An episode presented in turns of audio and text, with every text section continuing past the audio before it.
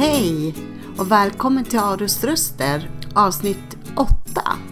Och idag har jag Susanne Torstensson som gäst. En konstnär från början från Lidköping men som har verkat i Västerås i många år. Susanne är även pedagog och jobbar som bildlärare. Förutom att hon gör skulpturer och installationer och har performance. Och, ja, just om performance kommer hon berätta om i det här avsnittet.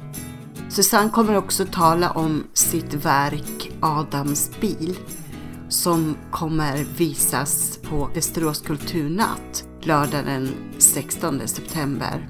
Susanne kommer berätta om hur Adams bil kom till och vad det har för ändamål. Om man nu kan säga det om ett konstverk. Men i det här fallet så är det viktigt. Jag kan avslöja så mycket som att det handlar om psykisk ohälsa i allmänhet och självmord i synnerhet. Men vi kommer prata om mycket annat också. Roligt, galet, förvånande och om en martyrperformance. Alltså sug på det, vad det kan vara. Och tänk på Made in Sweden. Ja, ni kommer fatta sen. Här kommer Susanne Torstensson.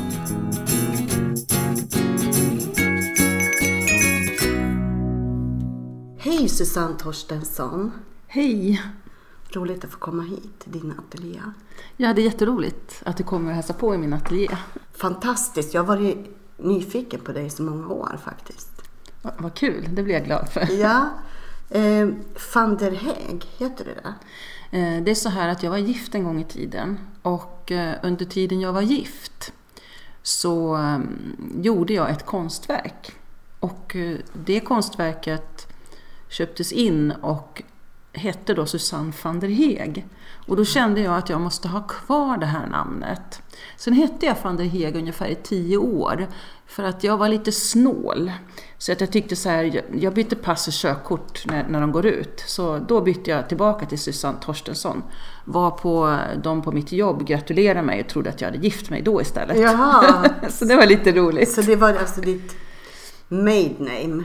Torstensson är ditt... Torstensson är mitt made name. Ja. Ja, som, och eh, van der Heeg var min exman. Ja. Mm. För jag har läst på um, din hemsida så ligger du i, i bakgrunden. Ja, jag har kvar det då just bara för att eh, det här konstverket, för om man då söker på van der Heeg också så kommer det upp lite mer träffar på internet. Vad är det för verk? Ja, det var en liten tvålask som jag hade gjort. eh, Och i den så hade jag gjort eh, två stycken små bebisar som var i eh, ste- stearinmassa. Dockbebisar. Och den hade jag med i ett sammanhang och då blev den såld till, till någon som jag har sett namnet på bara. och och då, då kände jag så här, och sen var det lite några andra grejer också. Det hade, på vissa utställningar så hade jag, hette jag då Susanne Torstensson van der Heeg. Men det var ju så många som fick problem med det jättelånga namnet så att eh, sen övergick jag till att bara kalla mig för Susanne Torstensson en längre period. Men just bara för att det finns några verk så känner jag att, de, att jag vill ha det kvar. Lite grann sådär bakom. Men du, du är född i Lidköping? Ja, en liten stad som ligger i Västergötland. En liten pärla kan man säga. Jaha. Det är nära vattnet. Eh, Så det är en sjöstad vid Vänerns strand. Och Läckö slott ligger där och där hade vi sommarstuga. Så att jag älskar verkligen Lidköpingstrakten och Kållandsö där Läckö slott ligger. Men är du uppväxt i där eller? Ja, jag uppväxt där tills jag var ungefär 18 år. Sen så har jag från och till då varit på andra platser för att jag studerat. Och sen så eh, när jag var 25 så flyttade jag till Stockholm. Mm. Hur kom det sig att du kom hit då, till Västerås? Eh, ja, det var faktiskt en kille som jag var tillsammans med då. Eller Det man ska brukar säga. vara så. Ja, det brukar vara så. Eh, men jag har räknat ut att jag har bott längst i mitt liv i Stockholm än så länge. Mm. Men det kommer troligtvis snart att bli längst i Västerås. Mm. Har du någon särskild plats som du kan räkna som din pärla här i stan? Ja, det är faktiskt här på Viksäng som jag tycker väldigt mycket om. Och Östermälarstrand gillar jag väldigt, väldigt mycket. Jag har hela tiden på något vis haft olika saker som händer här nere. Som att jag har ateljén här och nu jobbar jag som bildlärare på Viksäng. Mm. Och nu precis så ska jag flytta hit då till Viksäng också. Så det, det, jag gillar Viksäng och Östermälarstrand väldigt, väldigt mycket. Och det är nära till Mälaren och mm. nära till om man vill ner till city, till Björnön. Och... Mm. Ja, Björnön är ju också fantastiskt. Men också att de här fiken som finns och, och restaurangerna som finns nu mer. Jag mm. tycker det har liksom byggts upp och blivit ett roligt område. Och sen eh, när jag hade hund så var jag mycket på hundbadet här nere också. Just det, på Framnäs. Mm. Ja, före Framnäs ja, är det liksom ja, där. Ja. ja. Vad var det för hund? Jag har haft en boxer. Oh. Och jag har fortfarande kvar eh, en boxer halvt om halvt. För min ex-sambo har henne då. Och så får jag ha henne när han är på semester. Mm. Mm. Lite delad vårdnad. Ja, precis. Tillbaka till eh, det här med konsten. Jag ser att du började Konstfack 1987. Ja. Du var 27 år. Ja. För jag har läst på att du är född 1960. Ja. Mm. Hur kom det sig att du sökte dit? Ja, det var så här att jag vågade inte jobba med konst fast jag ville det. Så jag började med att utbilda mig till fritidspedagog. Mm. Och sen så jobbade jag med det och eh, målade och höll på med skulptur för mig själv då. Och sen till slut så vågade jag att söka till konstskolor och det var därför jag flyttade då, då till Stockholm. För jag kom in på en skola innan kan man säga, som man går två år. Eh, så då, jag var 25 när jag flyttade till Stockholm. Och sen kom jag direkt in från den då till Konstfack. Och då blev jag kvar i Stockholm. Och eh, Konstfack var fantastiskt för man fick, man fick verkligen tid att jobba med konsten. Och det var också roligt för där var, kunde man jobba med olika, för att det var, fanns ju flera olika avdelningar. Så det blev mycket att jag jobbade med film, video och performance när jag var där också.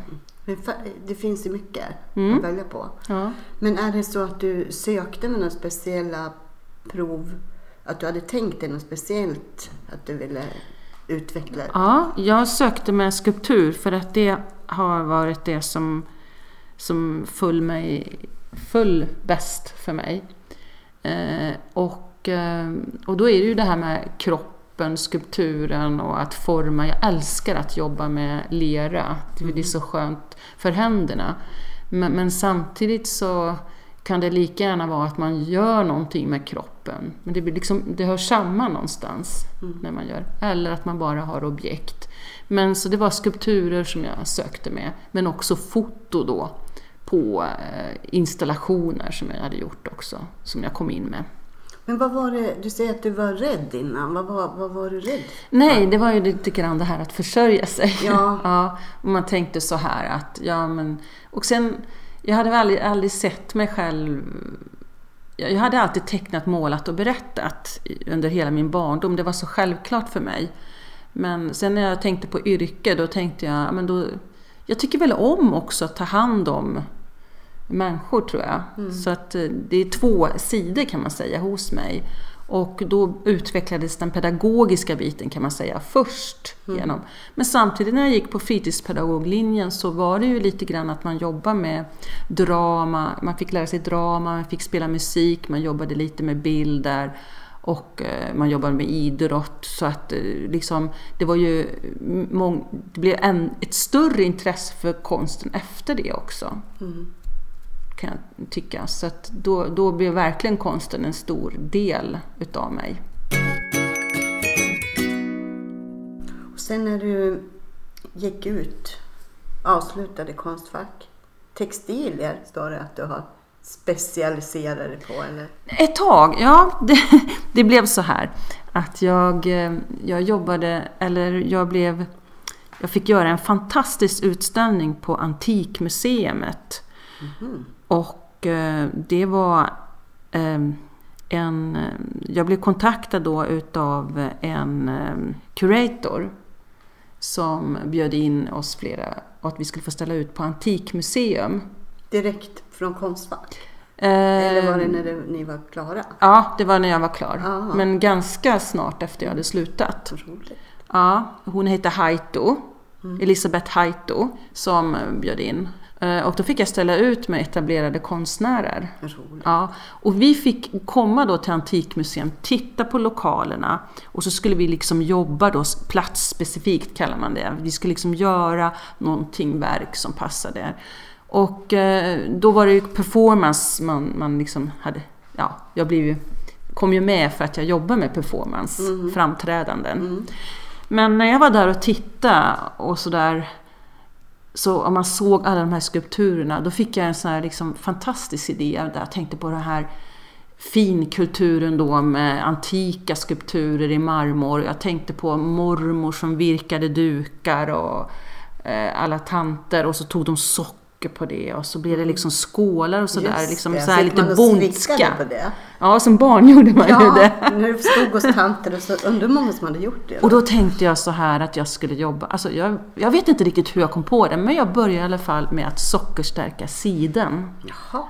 Och, och det här sidenet då, jag tog, gjorde bebisar som jag, jag en docka och jag använde hårtork och torka sidor. Och så blev det en form och det såg nästan ut som en glasskulptur eller marmorskulptur.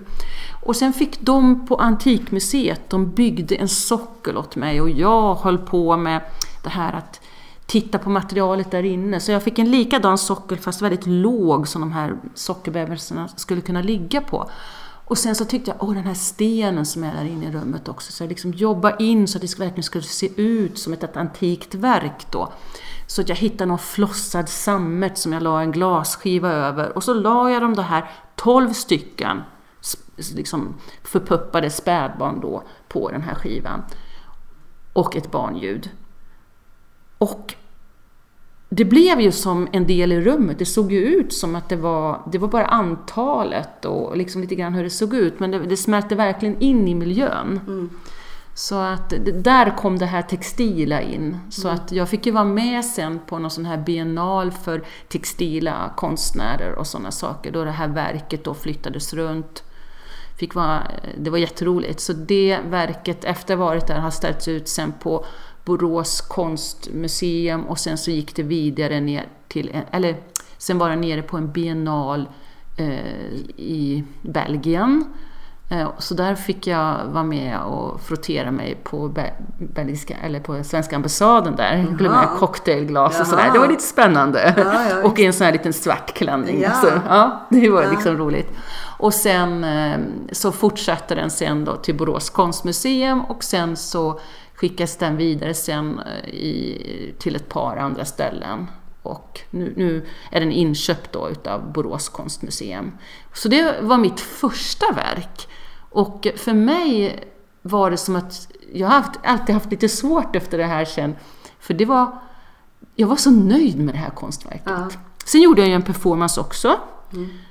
Eh, Och då eh, kom jag med i TV när jag stod där och spikade flätor gjorde jag då. För att jag hade flätat in håret, luggen, så klippte jag av luggen och spikade fast flätor på en sockel. Ja. Också i marmor så Ja, vad här då. hette den performancen då? Eh, Diana från Efesos. Okej, Mm. vi ska berätta vad performance är för någonting.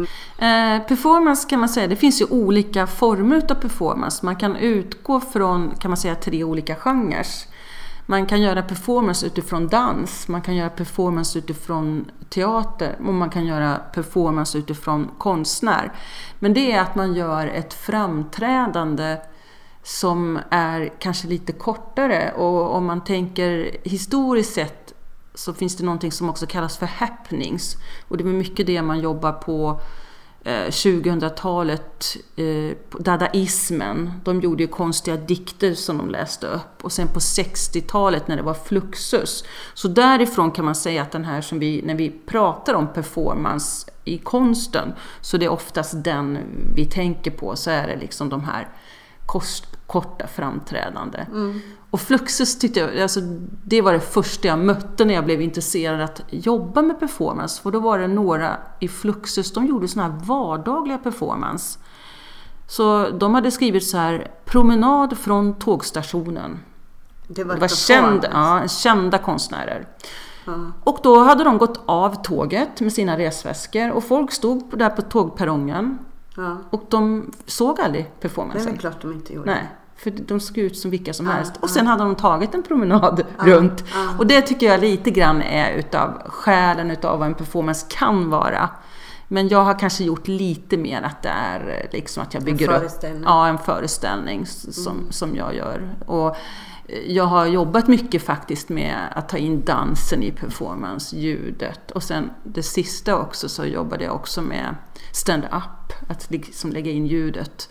För jag började jobba med mm, i början jobbade jag väldigt mycket med eh, gudinnor och den gamla konsten och förhållande till det. Så att oftast att jag liksom ville ta fram kvinnan som aldrig har fått vara med i religionen. Och då tog jag med gudinnorna på så vis i förhållande till konstverk på ett annat sätt då också. Som, eh, eh, för kvinnan hade oftast en liksom, i konsten så blir ju kvinnan en sån här liten biroll som alltid var dekorativt men jag ville ha fram henne på ett annat sätt som de äldre gudinnorna mer var. Så kan man säga. Att, att också gudinnorna hade en funktion.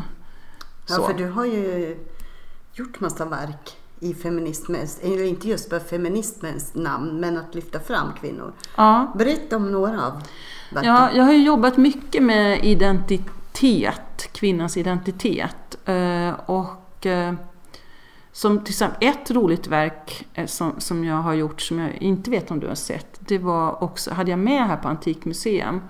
Och då hade jag tagit, jag hade gjort en gudinna genom att hon stod och höll i dammsugare. Hon hade liksom flera armar. Så att då fotograferade jag mig på olika sätt. Då. Så jag står och håller då i vita underkläder, vanliga sådär. Eh, och en slöja lite grann på huvudet bara. Och sen så håller jag i en, ett ägg, en ros. Och så går den ner och så blir det en kavel. Eh, det blir eh, diskborste, dammsugare och symaskin. Men ros och ägg måste jag bara fråga, vad symboliserar det då? Frukt som Rosen var oskulden. Ah, Okej. Och ägget är ju ja, ägglossningen kan man säga. Ja, Eller något, Ja. typ. Ja. Alltså att man var en, en liten äggmaskin. Ja. Mm. och sen håller du i de här som är typ, typiskt citattecken för kvinnor att göra. Ja. Ja. Det var ingen som brydde, tyckte att den där var något särskilt här i Sverige. Men Mm. jag har ju visat den sen när jag varit utomlands.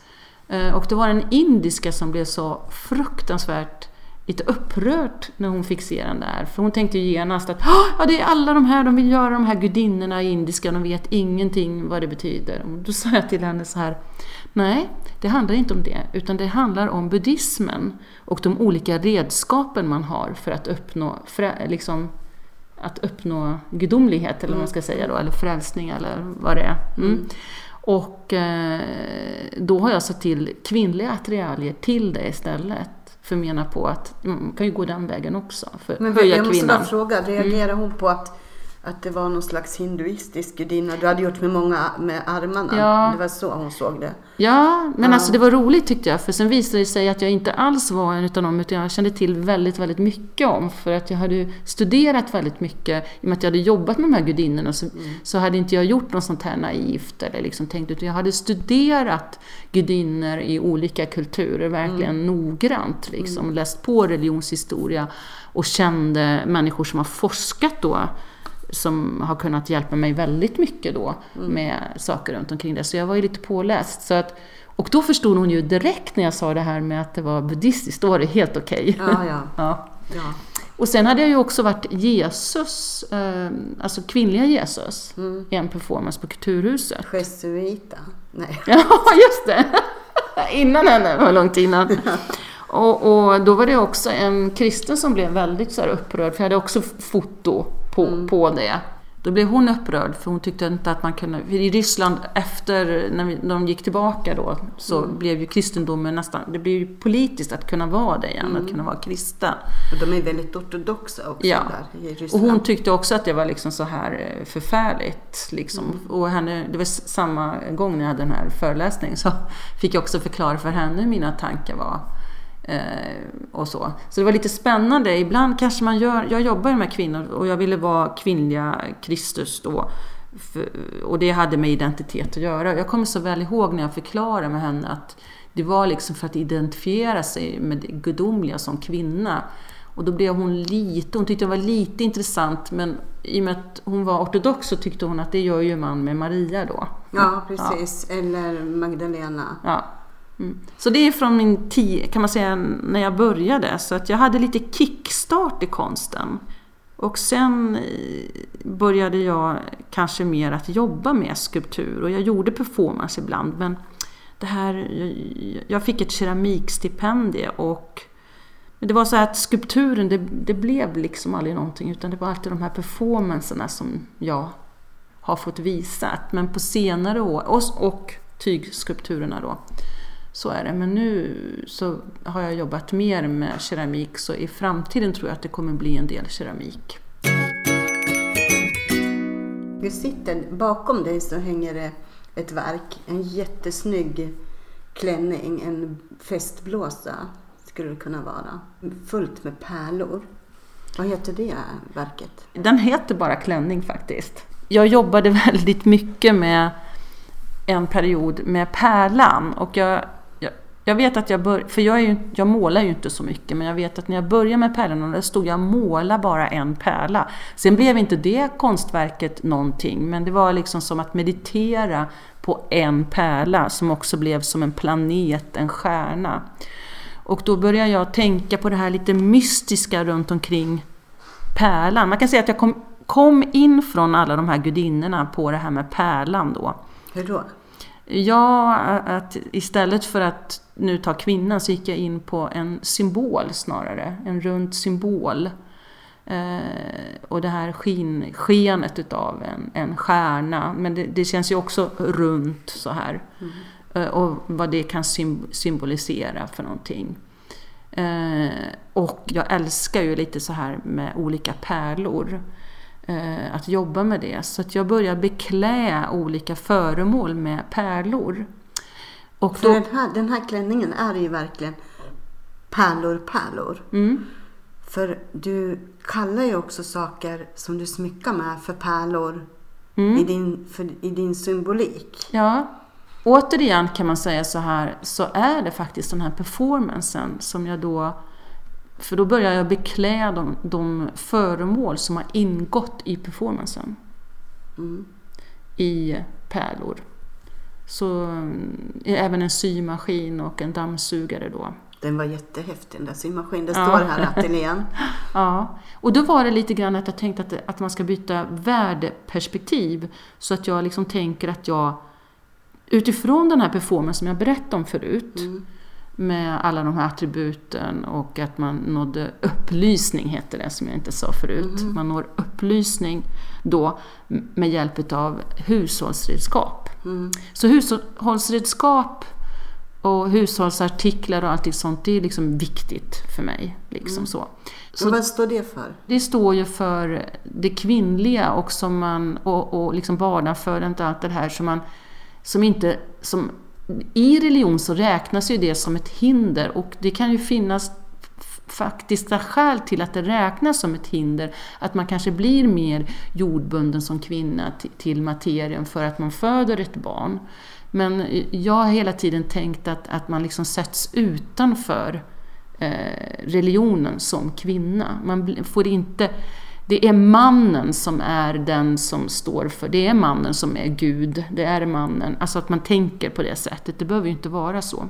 Men, så jag har hela tiden jobbat med det. Och därför vill jag då att kvinnans redskap ska bli förandliga och då blir de det. Så varje pärla där som jag satte dit och jag jobbade liksom nästan som i trans. Och jag älskar att sätta såna här olika färger.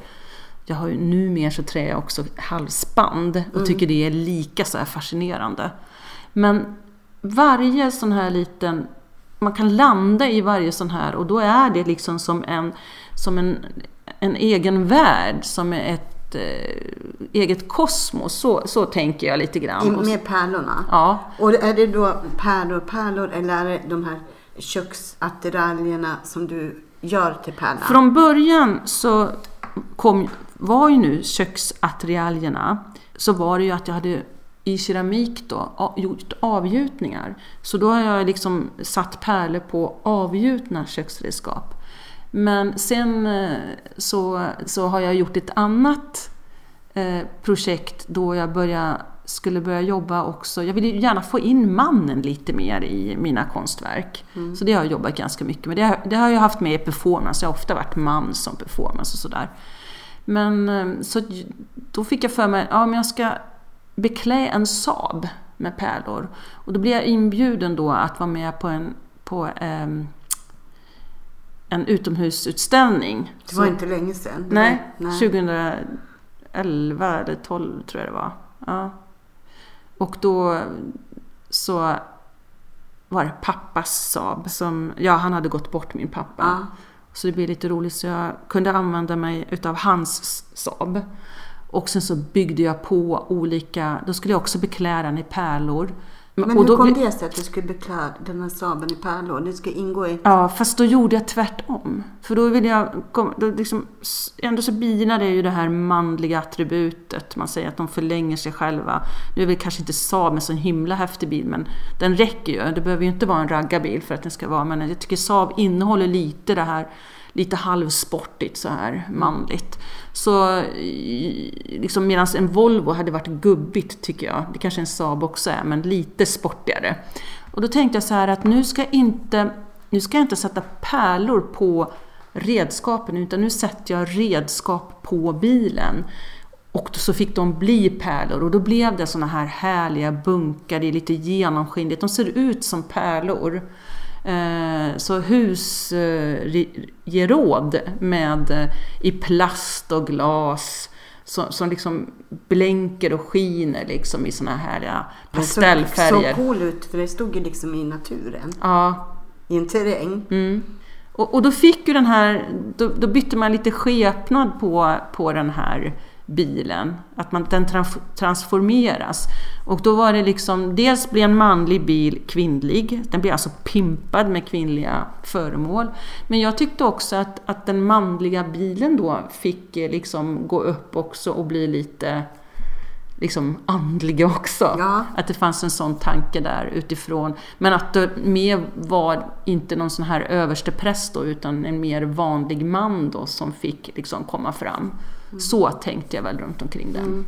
Mm. Förklarar du då, eller berättar du om verket som du gör för mig nu, vad det stod för? Som en performance, eller var det ett färdigt verk, bilen, som man fick uppleva själv? Ja, det var ett färdigt verk som man fick uppleva själv. Men samtidigt så var det så här att jag hade, man fick följa med hela tiden på Facebook. Alltså jag jobbade mm. med den här och det var väldigt många som gjorde det och jag fick mycket kommentarer så det var faktiskt väldigt roligt. Mm.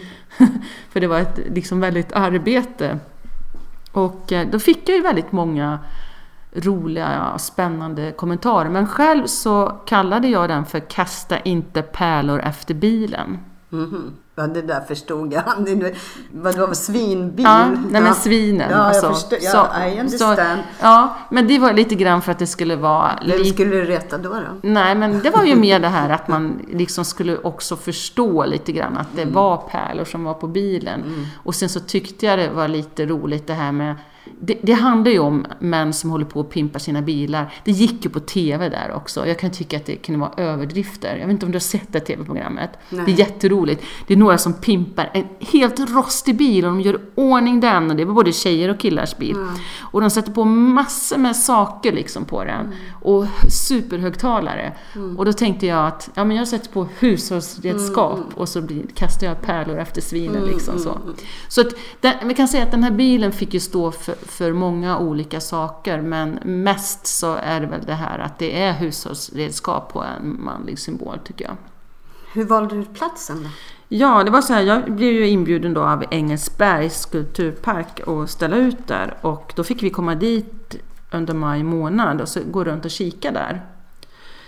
Eh, och då stod det ett eh, rucker som heter Servistornet Livslögnen som Lars Vilks har gjort. Mhm. Och då tänkte jag bara måste vara mitt emot honom. Det bara Ja. kändes så här för att det är liksom en man som håller på och bygger. Jag tycker hans projekt är ganska roligt. Och så, för att han har ju byggt eh, i, i Skåne Mm. en hel och, liksom, plats med de här byggnaderna. Mm. Så jag tänkte jag måste liksom stå, vara ganska nära honom. Så att jag var mitt emot honom och det var liksom träd där och det var som en liten avsats. Det var liksom precis som gjort för Mm. bilen. Och det gick att köra ner där. Jag liksom hade kollat det. Så jag tyckte den var en Och jättebra så fick plats. du ha en eh, dragracing-polare som Ja, drog upp den. drog upp den sen. Och sen och då hade jag ju pratat, det var så roligt när vi skulle köra iväg den där då sen också. Eh, för att vi hade kämpat med att ta loss, jag hade varit där flera gånger för att ta loss de här alla buttorna. Och jag hade ju gjort den så himla bra så att den hade ju kunnat stått säkert i många år där utan att de här plastbuttorna hade lossnat för att det gick inte att ta loss. Men vi tog, ju, tog loss en hel del då och min kompis fick blodförgiftning sen efteråt. Nej. Jo. Och då skar de sig på det där Ja, för det skiten. var så besvärligt att få bort det. Så jag fick ju köra sen, då kollade vi mest så att det inte var några halvlösa. Sen var det ju så här att jag ville ju ha de här buttorna också, tyckte för ifall jag skulle göra något annat konstprojekt någon gång. Och jag hade ganska, så jag försökte ta bort så, så mycket som möjligt då för att kunna återanvända sådana här ganska fina, eh, liksom i glas. Mm. Så, så kommer vi till, och det såg ju så roligt ut, då kommer vi till den här firman då ska lämna bilen och det sitter fullt med plast. Liksom. Jag tänkte, de har ju ingen användning, de kan ju inte använda något utav plåten för den var ju liksom full med såna här små plastböttor kvar liksom och fullt med silikon på hela plåten. Hej hej! Ja. Vi byta här? ja, precis. Jag måste återkomma till det där med håret. Mm. Hårperformance-grejset. Berätta om... Ja, det var ju alltså, det var ju på Antikmuseum när jag ställde ut alla de här eh, bebisarna Ja. också. Och det var ju de som fick resa runt sen lite grann. Men själva performancen som jag gjorde, Eh, det var ju, det kommer ifrån att jag har jobbat väldigt mycket med hår. För min första performance som jag gjorde och så, det är därför kanske jag har blivit lite efterfrågad att göra performance också. Det var en performance som jag gjorde på utbildningen på Konstfack så åkte vi ner till Grekland, till Aten. Och där var vi flera utav eleverna från skolan som fick göra olika konstinstallationer och ställa ut konstverk och måleri och skulptur. Och där gjorde jag en performance. Eh, I och med att jag jobbar mycket då, tänkte mycket på gudinnorna, så tänkte jag ju på det här typiska mm, med kvinnans hår. Så att jag gjorde en performance i en liten amfiteater som fanns där. Så använde jag amfiteatern bakvänt. Så att publiken fick stå på scenen. Och själv kom jag uppifrån ner. Gradängen där. Ja, så jag kom, och då hade jag ljus mot mig så det såg ut som jalusier för det blir sånt mönster utav de här sittplatserna. Och så kom jag ner som en, liksom, lite överdrivet, som en liten gudinna där liksom ner. Och sen så tog jag fram en bricka eh, och en sax och lyfte upp en, ett, en hårtova i taget och klippte liksom långsamt av. Och då hade jag jättelångt hår. Mitt långa, långa hår då. Och varje gång så la jag ner det på brickan. Som ett offer. Så. Och medan jag klippte så blev det, bara för jag hade ljus mot mig, jag var liksom, så kunde man se hela min hand och det här som en stor skugga. Som klippte av sig håret upp mot den här väggen som var där. Så det blev så mäktigt någonstans. Eh, och eh, när jag hade klippt av mig håret, det tog, det tog ju en tid då, det fick ju liksom vara en sån här process. Men var, var det stod- mycket publik var det? Ja, det var, det var ganska mycket publik som, kan, kan säga då, en 50 till 100 personer sådär, som stod där på golvet. Så kanske, kanske mer 50. Vad sa de då? Alltså pu- publiken, det var ju det som var så lustigt för jag trodde att jag skulle gå igenom publiken Och att jag sen skulle få gå ut i en, ensamheten eh, till galleriet och Som ställa upp. Britney Spears-frissan. Ja. Ja. Men de följde efter mig. Så jag tog den här brickan och så gick jag långsamt igenom publiken. Och sen så gick, skulle jag gå fram då själv tänkte jag, för jag tyckte det var lite så här, jag hade ju klippt av mig håret. Det var inte superkort eller sånt där, men det, det var liksom, Ja, ja. Det, det efterlämnade sig en frisyr faktiskt, Ja. så jag såg mer grekisk ut än svensk. Ja. Så här. Men de följde efter mig och sen när jag kom in så kramade alla mig. Nej. De gick fram och, kram, alltså, och tackade i hand och liksom så här. Och, eh, och de är ju greker och de berättade att eh, och kvinnorna, fler kvinnor sa att de hade gråtit. Och eh, några män hade fotograferat väldigt, väldigt mycket liksom sådär. Så eh, de var väldigt, väldigt berörda. Och eh, de berättade massor med olika saker. Några berättade att ja, men du ska också veta att det du står på det är upp och ner på vända gravstenar. Och man berättade att eh, förr så när män dog så gick man och kvinnorna klippte av sig Var det det håret. tror du som de hade en igenkännings... Ja. Som inte du visste om? Nej, inte, jag visste väl kanske om det men inte så, inte så att man kanske hade fortsatt. Jag visste om att det fanns i den grekiska mytologin och att det finns den här operan. Men det var också man hörde liksom också att det var bland folket och att kvinnor verkligen hade gjort det här, gått och klippt av sig. För dem var det inte bara den här mytologin utan Nej. för dem var det någonting som mer var förankrat hos dem som kulturen. personer. Ja. Och att de liksom grät och liksom tackade i hand eller kramade om mig och tyckte liksom att det var så eh, det var ett sånt fantastiskt gensvar. Vad, vad, vad hette verk? Cutting the past hette det. Cutting the past. Det var det du gjorde.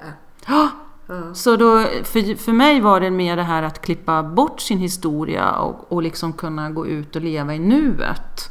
Så jag hade också en liten kort liksom, text också som To force the now, to, nej, force the history to be now. Liksom så här som var som en liten, som jag hade med i det här också. Ehm, så, för det var mycket sådana tankar jag hade då när jag gjorde den här. Men också var det ju också eh, liksom att göra kvinnan lite större, om man säger så. Och, och det, blev, det blev... Jag fick nästan en chock, så jag hade nästan mardrömmar på natten efteråt. Bara för att det här bemötandet av dem hade blivit så starkt. Också kanske på sättet som jag hade byggt upp det och gjorde det på. Att jag gjorde det så otro- långsamt, att de fick vara med. Och att, att eh, jag kunde känna publiken när jag gjorde det också, att de var med mig. Och sen när de följde efter mig, då kände jag det ännu mer. Jag blev nästan som en sektledare. Det blev nästan lite otäckt då, att man kände att man liksom inte var eh, man var inte liksom en vanliga Susanne då, utan man var... mig, ja, följ man var någon liksom, det var som att jag ledde någonting. så. Men, och, och det där blev ju... eh, Så det, det finns en film på det då, men det blev så här väldigt mycket då. Man Finns det en film, det. eh, alltså en fysisk film eller är det uppe på, finns det på nätet också? Eh, Jag har inte... Jag har en kortare filmbit utav den som, som finns i samband med andra projekt som jag gjort efter det sen. Kanske jag får se det sen. Det ska du få se. Men utifrån det då så gjorde jag flera mindre performances. Så det här när jag klippte av flätorna, då var det ju bara luggen jag klippte av. Men det var ju ändå så att jag klippte av luggen då. Och, och då fick, så hår symboliserar ju min historia. Men i det här som var på Antikmuseum, då hade jag flätat. Så jag hade gjort 12 små tunna flätor. Och flätan för mig, där ligger historien. Men det var mer... Så den performancen var mer en kulturell historia. Eh, att eh, liksom vår historia i kulturen Flätas var in. inflätad. Ja. Och, eh, och det var ju 12 sockerbebisar som låg där och jag var Diana. Ehm, och det finns ju massor med olika typer av Diana eh, gudinnor och jag var med de här, kan man säga, väldigt tidiga Diana eh. Får jag bara säga en sak? Ja. Alltså, om man lyssnar så här spontant, jag tycker det är helt Mm. normalt. Men Där låg de där bebisarna då och jag flätade in 12 flätor och, och, Ja. och, och jag var Diana. Det Ja. ju, eh, och jag, jag hänger med, jag känner, ju di- känner Ja. ju ditt i performancen. Ja. Men, men skulle någon random människa säga det på gatan då skulle det bli Mm. Är du psykotisk? Ja. Men konsten är ju spännande. Ja. Så det var inte riktat till att du är psykotisk, det var inte det. Utan det Nej, man går ju in i en roll. Ja. Och då skulle jag symbolisera naturligtvis, ska jag Diana, säga. det. Jag skulle symbolisera Diana. Eh, och eh, just det här med, med, som står för den som tar hand om eh, kvinnorna som föder och, och, och det här. Och det var, jag tänkte hela tiden att det var de som, när jag såg de här sockerbebisarna framför mig, för mig så var de här sockerbebisarna, det var de, de som skulle födas. Mm. Det var de innan de hade fötts. Mm. Och så därför gav jag dem till en- fläta utav eh, dåtiden som de skulle ha med sig in i framtiden. Mm. Men jag fick ju recensioner och det är ju fantastiskt att få det Ja. så här. eh, Ja. Faktiskt idén och allt möjligt. För du har ju inte berättat, berättat om vad du tänkte. Utan var det recensenterna som tolkade? Ja, de tolkade tvärtom. De kallar ju det för eh, eh, dödsmasker och sådana saker. Och där, fast självklart tänkte jag då för att, ja men det är ju, det förstår ju att de såg det därifrån. För jag kunde också se att det kanske fanns ett möte mellan döden och födseln. Mm. Om man tänker så. Men jag tänkte mig att det var födseln. Medan de då, när de tittade på det, då var det barn som hade blivit täckta utav dukar som hade dött. Mm. Och det tyckte jag var otroligt vackert. Men det var inte så jag hade tänkt. Utan jag hade tänkt livet kommer fram. Men för dem, och, så det var en lika fin tolkning. Mm. Eller kanske ännu starkare tolkning då. Men det är Och det, det är som intressant. är konst. Ja. Och, Att och, tolka. Och efter det sen har jag alltid tänkt så här att, som jag tyckte hade lyck, därför tyckte jag att jag lyckades med det här verket. För att verk, jag jobbade med verket men jag tänkte att man skulle jobba med ett symbolspråk som alla människor har. Så att, Arketyperna. ja, och sen att man också tänker att den andra människan får tolka det utifrån sig själv. Och det tyckte jag att jag uppnådde då på något vis. För att jag gick så djupt in i att göra det. Så att eh, jag hade en tanke men man kunde ha så många olika tankar. För att man kunde förhålla sig precis som till en dröm. Så kunde det här konstverket då tolkas utav den andra personen. Eh, Och eh, så vill jag jobba med mina konstverk men jag kan säga att jag har inte det tycker jag att jag lyckades bäst med i det verket som egentligen som kanske var mitt riktigt första verk då. Men du, du håller ju på med ett, ett verk nu. Ja. Apropå livet och döden. Ja, det gör jag. berätta, Berätta. Mm. Jag, berättade ju, jag har ju berättat om att jag har jobbat med pärlor. Eh, och eh, det är så här att jag hade ju gjort en skulptur på Ängsbergs skulpturpark som var en bil med hushållsartiklar på. Eh, plastbyttor och de här Ja. olika sakerna eh, som satt på en bil.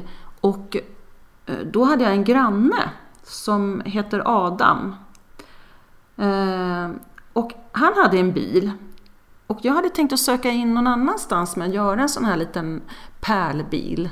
Den skulle heta Lilla Pärlan hade jag tänkt. Ja, som man brukar kalla bilar. Ja. Ja. Sin lilla pärla. Och det skulle vara en pärlbil. Och helst av allt skulle jag kunna få den där bilen att liksom på något vis ligga i vatten. Jag hade liksom tänkt, nästan såg framför mig att den skulle ligga utanför Örebro slott eller något sånt där. Eller i Lidköping, för det var flera sådana här utställningar som man kunde söka då.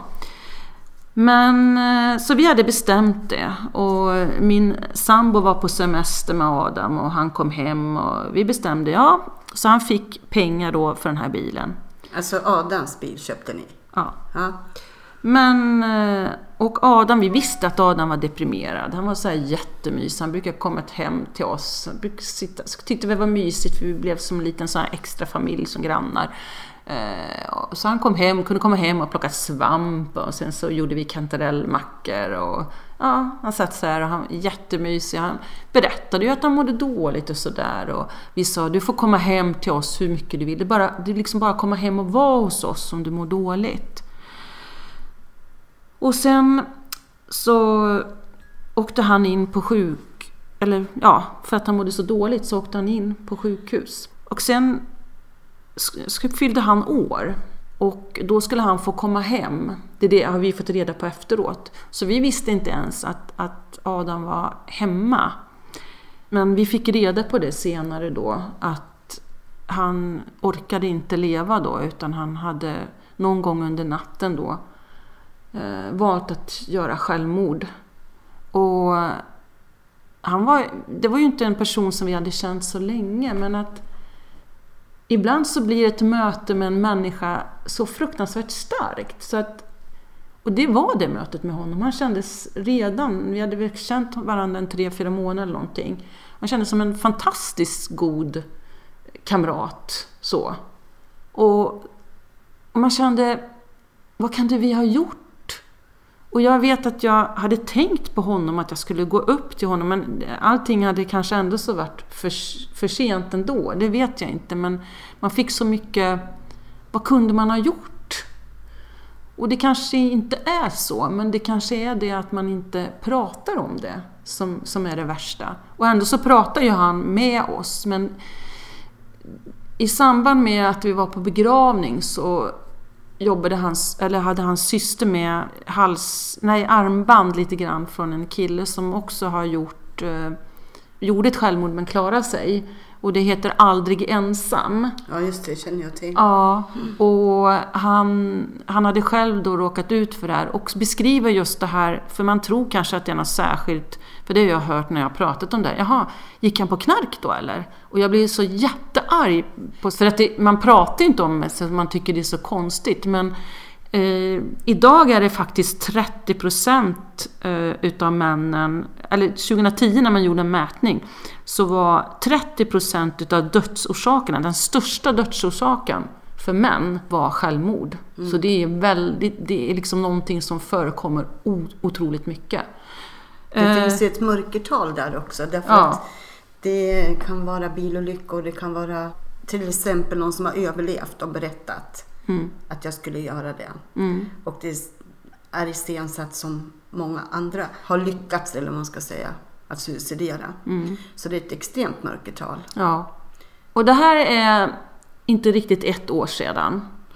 Eh, och då stod jag där med bilen eh, och vi träffade hans släktingar och det kändes lite väldigt konstigt men någonstans mitt i alltihopa där så beslöt jag mig för, för att eh, Ja, jag, jag kommer ihåg att prästen sa så här, han läste upp att Adam tog inte så stor plats, men han var den som med värme och humor spred trevlig stämning och vänskap. Och det var någonting som så här, när, när, när prästen läste upp det på begravningen så tänkte jag, ja men alltså bilen, jag ska göra bilen. För att det ska bli ett minne utav Adam, för den här fina personen som han var. Och det ska också bli, och när jag tänkte på den här killen då som har det här Aldrig ensam, som mm. jobbar med det, så tänkte jag vi måste vara fler som belyser det här. Mm. Eh, så då bestämde jag mig att jag skulle försöka göra det här projektet. Sen har det varit jättejobbigt för att jag har inte kunnat flytta bilen, den har stått där och det har varit problem. Har inte ens kunnat dra det från platsen. Och eh, Sala beställde... Ja, därför att den, den var trasig och sen hade den stått för länge och sådana ja. saker. Så jag tänkte att ge upp jättemånga gånger. Men sen... Så varje gång jag skulle ge upp så var det något tv-program om det.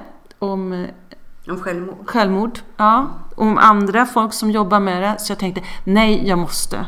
Så till slut så beställde jag en bil som flyttade den, en sån här riktigt, till min ateljé då. Mm. För att den ska få vara med nu på Kulturnatten. Så jag bara bestämde sig att den måste få, det måste få bli ett Kulturnatten nu i Västerås? Ja, så den kommer nu att vara med på Kulturnatten i år den 16 Var september. Den, den kommer vara vid Östermälarstrand på Tegelvägen 2 vid vår ateljé. Mm. Så att där kommer den stå utanför. Och då kommer jag bygga på pärlor i rött, rosa och det, pärlorna är då naturligtvis eh, hushållsredskap, alltså byttor och kanske glas. Det är det glas. du kallar pärlor? Det är ja. dina smyck, som du smyckar med? Ja, smycka bilen med det. Så det är Så den, Ska du göra det under kvällen? Eh, jag kommer, jag nu? kommer göra det nu. Och Mm. sen är det ett pågående arbete så att det, jag kanske kommer sätta på lite grann mer också. För jag kommer inte vara helt klar med den. Och sen så kommer de här, för jag lägger på glasfiber, det är ganska tunt och så lägger jag pärlorna på. Så att, om jag inte kan behålla bilen så kommer jag behålla så att jag kan sätta på på en annan bil. Mm. Så man sätter glasfibret över på andra bilar. Och så tänker jag att den här bilen ska få fortsätta och då är det ju Adams bil. Mm. Eh, och då ska jag försöka anknyta då till andra som jobbar för den här frågan då. Eh, runt omkring det här med, ja, det, det finns ju forskning, suicide forskning som till exempel eh, Karolinska gör. Det är de som har mycket statistik runt omkring det. Så de jobbar mycket för prevention för ohälsa. Eh, och de har ju sagt att eh, 15 031 människor tog sitt liv 2014. Det är mycket. Och utav dem var det 1044 som var män och 487 som var kvinnor. Och därför känner jag att, liksom att, att, att han... Adam var bara 33 år. Mm. Att han känns som att han, han, han är en utav de här männen. Så jag känner att han, den här bilen kommer få betyda någonting och jag kommer söka upp de här olika organisationerna som jobbar med det här kan det och kommer bli vara med på lite så här olika ja. saker. Och det, det är liksom, på olika sätt kommer jag jobba vidare med det. Jag har inte riktigt bestämt, jag har bara känner att nu, nu är startskottet. För jag behövde själv distans det här året. F- och liksom att sörja, sörja honom. Så att den. 4 september, det var då han fyllde 33 år förra året, det var då han dog. Mm. Och det är snart, det är snart ett år sedan och eh, det känns ganska bra då att starta med det här den 16. Och det finns en Facebook-sida som man kan hitta som heter Adams bil på Facebook. Jaha, finns det det? Mm. Och där kommer man kunna följa den här processen. Vet du vad jag tänker på? Nej. Att du har ju berättat nu om hur du vill lyfta fram kvinnan och kvinnans styrka eller kvinnans frånvaro i Mm. historien och så. Och så berättar du nu om hur många män Mm. det är som tar livet av sig. Mm. Man ska inte prata om styrka och svaghet för det här handlar ju om olika sätt. Nu var det ju en vän. Mm. Men den här gången så lyfter du fram, för du även alltså, rakt, tar upp siffrorna, Mm. att det är männen. Jag tycker det är intressant. Har du tänkt på det? Ja, jag har tänkt mycket på det för jag har ju alltid, jag ser ju inte, om, när jag vill lyfta fram kvinnan så vill jag det lika mycket för mannens skull. Jag är inte förminska mannen. Nej. Nej. För man, alltså, mannen är ju, jag tycker ju att alla könsroller och allt det som vi gör, det lider ju mannen lika mycket av. Så att det är lika viktigt för mannen att vi får eh, jämställdhet. Och jag ser det här som ett jämställdhetsproblem. För att det är ju ganska tydligt då att männen inte får ha känslor. Ja. Att man inte, och att männen på något vis inte kanske får sämre hjälp. Men jag vet att kvinnor också, jag vet att många människor idag har svårt att få hjälp. Det finns, det finns regler och det är väldigt svårt med, med, med vården. För att det är så svårt att komma åt det här också. För att många gånger när, när någon har bestämt sig för att dö så, så liksom brukar de må lite bättre Mm. precis innan. Så det är klart att det kan bli lurat. Men, men samtidigt så, det man får reda på att många, de som har försökt att, att eh, göra självmord, många av dem, om de klarar sig, så är det väldigt ofta att man sen utifrån det, för då får man ju oftast kanske mer hjälp, för man har ropat på hjälp då. Mm. Utifrån det sen ändå så får ett bra liv och vill leva.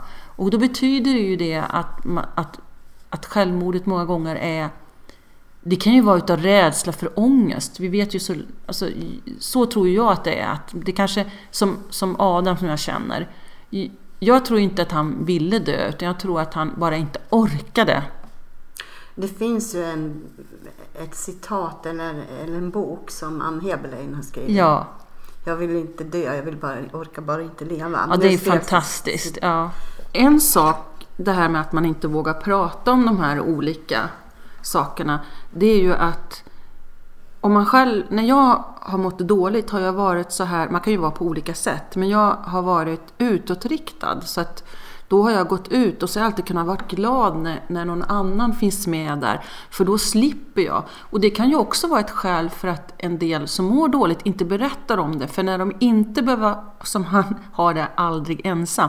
När man inte är ensam då kanske man kan vara med de andra människorna och inte må lika dåligt. Utan det värsta är ju när den här ångesten kommer och sätter in. Eh, panikångest och sådana olika saker. Och jag tror att det är i de fallen som många begår, att man liksom begår sitt självmord i någon typ av de, alltså att man inte vet vad man ska göra. Man måste liksom befria sig från den här otäcka ångesten. Mm. Eh, och då är det ju egentligen inte, därför kan jag förstå Ann Häberlein som har sagt här, jag vill inte dö, jag ork, orkar bara inte att leva. För att det är ju liksom det här att inte orka leva som, som är det värsta. Det är ju inte att man vill dö, utan man vill bort från det just då. Att man får sån otrolig ångest. Mm. Så att, att man bara vill bort från ångesten, mm. just den stunden. Och, och, och, då är det ju väldigt tillfälligt. Mm. För ångesten kan ju, en ångest kan vara så stark. Och jag tror att jag har känt sådan ångest. När man nästan blir förvriden i hela huvudet. Liksom. Det har jag bara känt en gång. Eh, jag har hört andra som har berättat om ångest. Eh, och då har de sagt så här till mig att de kan se i mina ögon att jag förstår. Mm när de beskriver sin ångest mm. så kan de se att jag fattar det. Mm. Och jag tror att det kanske är det som man kanske behöver. Så att jag tror att de människorna som inte råkat ut för ångest eller mått dåligt, de får väl hjälpa till på det sättet som de kan. Som medmänniskor, att man får prata. Och sen tror jag om man pratar med fler människor och vågar prata lite med det, då kan man möta med någon som kanske förstår. Då kanske man kan vara tyst och man bara tittar på varandra, mm. så vet man.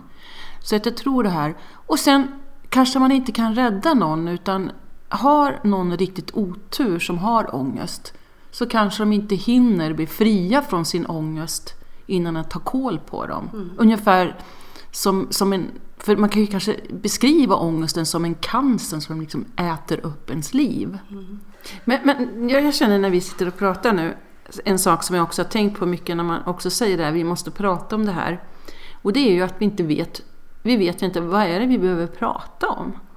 För det är så svårt, för det är så mycket som ligger i det här. Mm. Och, och, um, jag tror att det bara är bra att, till exempel som nu då när de kommer till skolan och berättar om de, de här sakerna, att det, att, att, att det finns de som mår dåligt och att man, man börjar försöka prata om det. Att, sen behöver man inte prata om det bra, utan det bara än det lilla man pratar om det och, och att man kanske prat, bara pratar det här lilla gör att det blir bättre för att man inte behöver känna sig ensam. Mm. På något vis.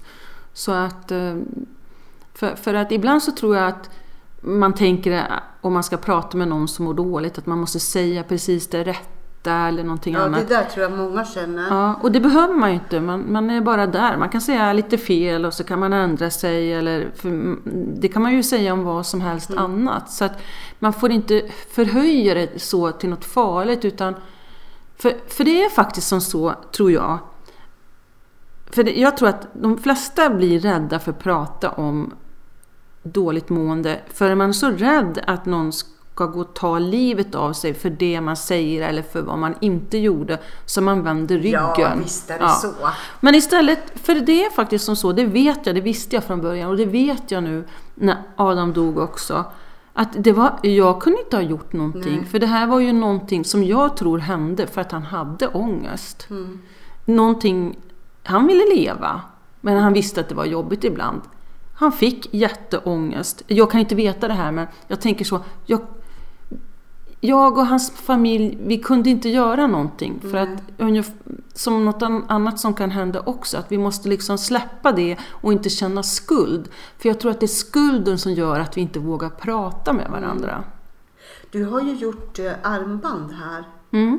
Man kan köpa, det står Adams bil på dem. Mm. Och det kommer vara armband som jag kommer sälja här framöver bara för att kunna och de pengarna kommer då gå till projektet så att det ska kunna ut utvecklas och kunna gå vidare då. Eh, och att jag ska då samarbeta med andra som jobbar med det här. Mm. För de kan delar utav det. Jag tror att vi alla behövs i det här. Det är klart vi gör. Ja, men min erfarenheter behövs bara som den person som jag är som själv har mått dåligt.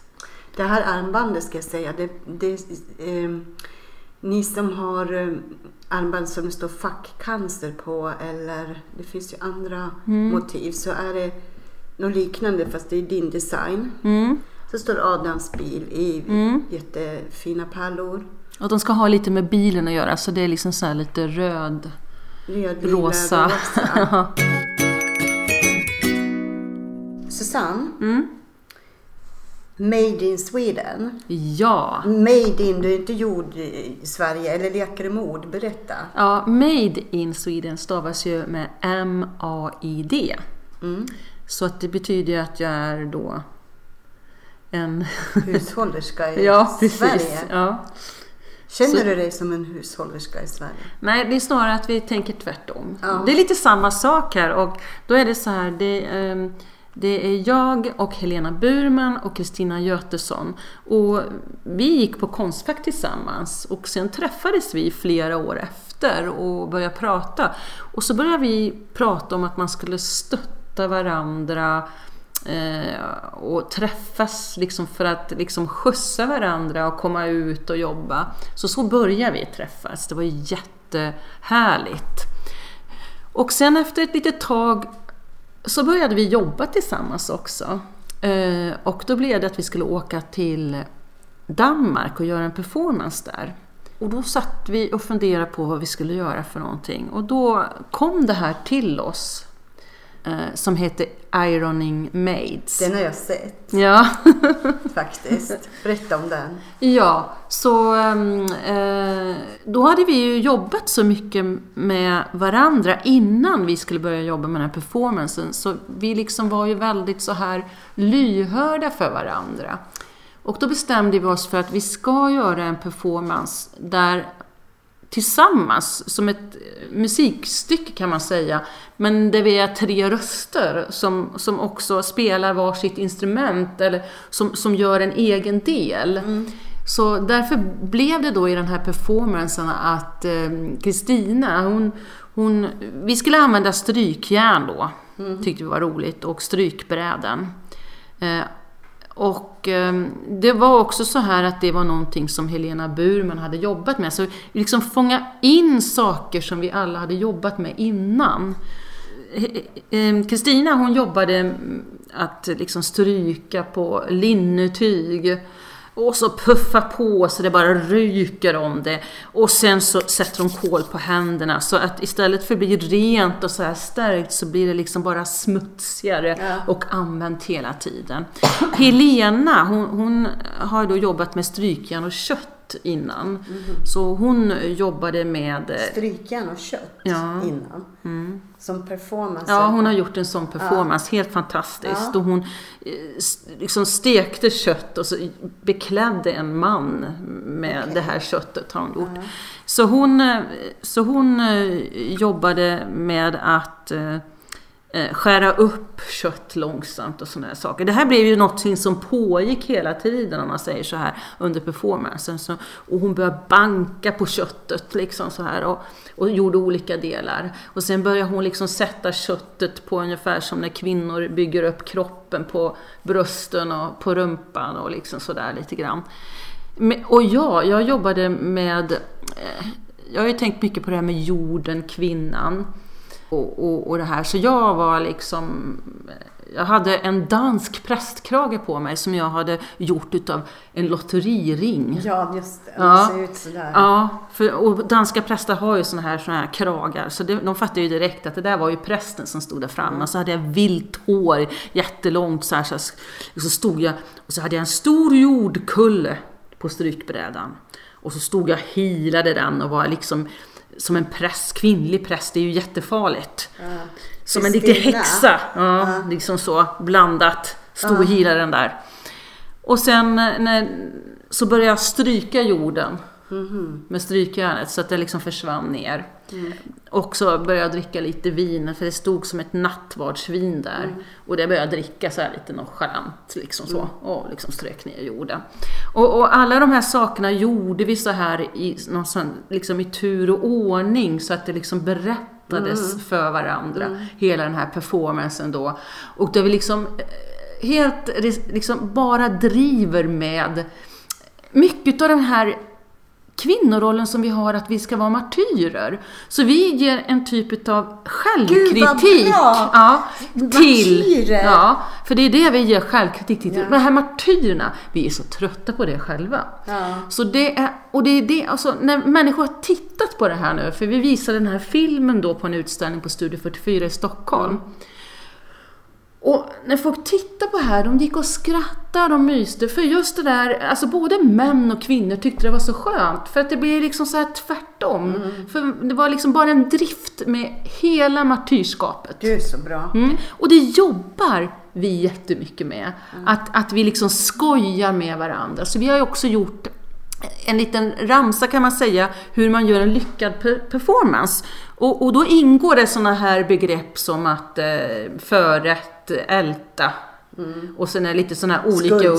Ja, lite sådana här olika ord. Och sen är det förrätten, eh, huvudrätten och då, då kommer det lite andra sådana här ta byket och så är det mer livet och så vevar vi runt några extra varv liksom. Ja just det, det var där det var det här älta och så tills liksom sådana här saker som man skojar med det här eh, som man tycker är typiskt, de här orden som man också har för för, för det finns ju någonting där också i ältandet att, att man kanske också negligerar de kvinnliga problemen. Så vi jobbar ju från två håll. Men vi tar bort marty- martyrskapet och så skojar vi med de här sakerna och samtidigt så lyfter man ju eh, det också då. Så att det både får bort martyrskapet och där man liksom slår näven i bordet snarare, eller liksom bara finns där. Ta ansvar. Ta ansvar liksom. Ja. Så martyrskapet, det är kul att, att skoja om det. Och det man pratar mycket nu som är jätteroligt när man jobbar i skolans värld, det är ju att man går in och pratar väldigt mycket om eh, roller och sådana saker på ett helt annat sätt. Då, då man pratar om queer, alltså att man eh, inte måste, man kan ju känna sig som en kille och, eh, och det gjorde ju jag som när jag var liten. Jag upptäckte, tyckte jag så här, jag passar inte att vara kvinna tyckte inte jag när jag var liten. Så att jag ville vara kille. Samtidigt så klippte de av mig håret och då så trodde alla att jag var en pojke och det tyckte jag var jättehemskt. Så att det liksom finns en dubbelhet Oj, där. oj, För oj, det hade ja. ju inte med könet att göra. Nej. Och dit har man ju kommit nu att, att det här, man kan ju känna sig som någonting men man behöver inte vara man eller kvinna. Och det är ju liksom lite grann att tillåta andra sidor i sig själv och det tycker jag är väldigt spännande. Och sen är det ju så att det har blivit en sån här, mycket, bland killar nu idag, bland yngre killar så har den här machokulturen liksom vuxit upp lite grann. Eh, kanske i förorter och kanske mest, kanske 7, 8, 9 också, när man söker sina könsroller så. Mm. Och då pratar man om det här i skolan, så då har man projekt som handlar om det där och så ser man igenom, så man försöker se igenom den här manskulturen lite grann. Och det, när jag pratar med eleverna så tycker de att det är jätteintressant. Du, vad så himla kul Mm. att, att du ville vara med. Ja, det är jätteroligt tycker jag. Och jag tycker det var särskilt roligt att kunna vara med med Adams bil för att det är ett projekt som jag liksom jobbar med och, och liksom så precis nu. Och gå och titta ner på Tegelvägen 2 eh, på Adams bil under Kulturnatten. Och eh, köp ett armband och var med och hjälp till mot självmordsprevention. Du, har du några sociala medier man kan nå dig? Ja, jag har, jag, dels så har jag en webbsida som är på Susanne To- Torstensson ett ord, .se. Sen har jag också en sida som ligger på Facebook och den heter Susanne Torstensson van der Heg. Men om man går in på min webbsida då kan man liksom Eh, klicka sig in då till min Facebook-sida. Och sen har jag ju Instagram också och det kom jag på, det har ju inte jag lagt, lagt upp. Så det måste jag ju snabbt lägga upp på min webbsida. Så på de tre olika, eller på de platserna kan man hitta mig. Sen har jag också lite grann en Youtube-kanal som liksom inte riktigt har kommit igång än. Adams bil finns på Facebook och då går man in på www.facebook.com adansbil2016 och även om man inte har Facebook så kan man titta på det för det är en fanpage så att man kan se vad som händer där i alla fall. Ja, det, ty det tycker jag att mm. ni ska göra. För då kommer man även se, ni som inte kan komma ner och titta på, på Kulturnatten så kan ni följa med processen. Jag kommer ju ta mm. bilder där. Jag kommer ta bilder dels innan och lite grann när jag kommer jobba med bilen och jag kommer ta bilder under kvällen också. Men du, vad spännande. Tusen tack för nu. Ja, tack. Hej då.